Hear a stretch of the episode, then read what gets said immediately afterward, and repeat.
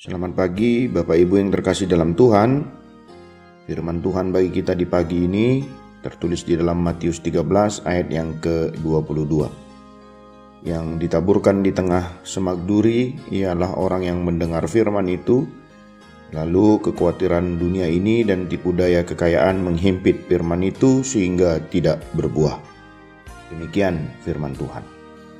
Khawatir adalah sebuah benih yang ditaruh oleh iblis untuk membuat iman kita tidak bertumbuh dewasa. Jika pertanyaan ini kita disuruh menjawab dengan jujur, apakah kita pernah mengalami kekhawatiran? Jawabannya pasti pernah. Mengalami kekhawatiran di tengah-tengah kebutuhan sehari-hari selama kita tinggal di dalam dunia adalah sesuatu yang biasa. Namun akan menjadi tidak biasa dan tidak wajar jika kita sebagai orang-orang percaya dihantui oleh rasa kekhawatiran itu. Semak duri itu adalah kekhawatiran, tipu daya kekayaan, kekuasaan, dan keinginan-keinginan akan hal yang lain. Keinginan-keinginan yang ditujukan untuk memuaskan dan berpusat pada daging. Semak duri ini dikatakan bisa menyelinap masuk kemudian mencekik firman, sehingga firman menjadi terhambat atau sama sekali tidak bertumbuh. Itulah yang akan terjadi dengan benih firman apabila kita membiarkan semak duri itu bertumbuh. Benih bukan saja terhalang bertumbuh, tetapi bisa tidak tumbuh sama sekali alias mati. Orang yang hidup di dalam kekhawatirannya tidak akan pernah melihat benih firman Tuhannya bertumbuh dan berbuah. Kekhawatiran itu memakan habis semangat jiwa yang seharusnya dikerahkan pada perkara-perkara ilahi. Kekhawatiran itu mengalihkan kita dari kewajiban kita dan membuat kita terganggu dalam melaksanakannya dan akan mendatangkan akibat yang sangat jahat kepada kita nantinya. Ia memadamkan pijar-pijar perasaan yang baik serta memutuskan tali-tali tekad yang kuat. Orang yang khawatir memikirkan banyak hal biasanya akan mengabaikan satu-satunya hal yang penting. Alkitab berulang kali mengingatkan agar kita tidak khawatir atau mengalami himpitan kekhawatiran yang berlebihan. Khawatir tentu saja boleh. Namun jika rasa khawatir itu menjadi makin besar dari hari ke hari, maka ia akan merampas kesadaran kita akan penyertaan dan kuasa pemeliharaan Allah. Karena itu Yesus mengingatkan, sebab itu janganlah kamu khawatir dan berkata, apa yang akan kami makan? Apa yang akan kami minum? Apakah yang akan kami pakai? Semua itu dicari bangsa-bangsa yang tidak mengenal Allah.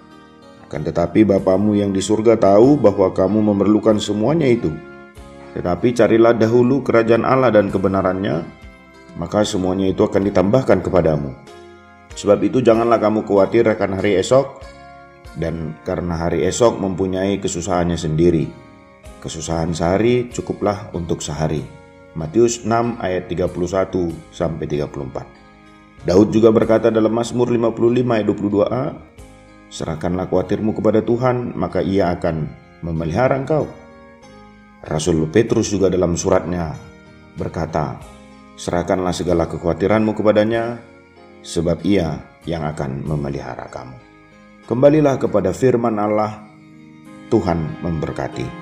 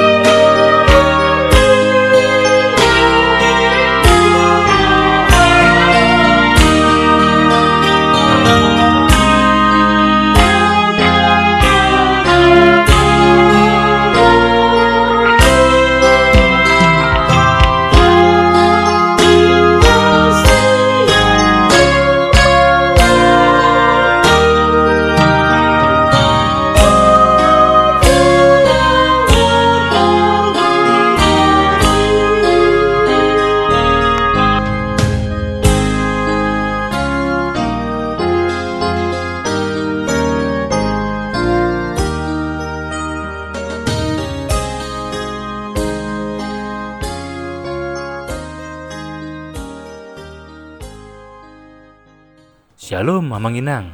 Terima kasih sudah mengawali hari dengan mendengarkan renungan hari ini.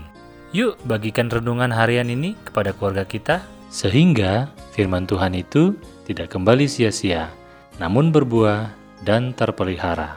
Tuhan Yesus memberkati.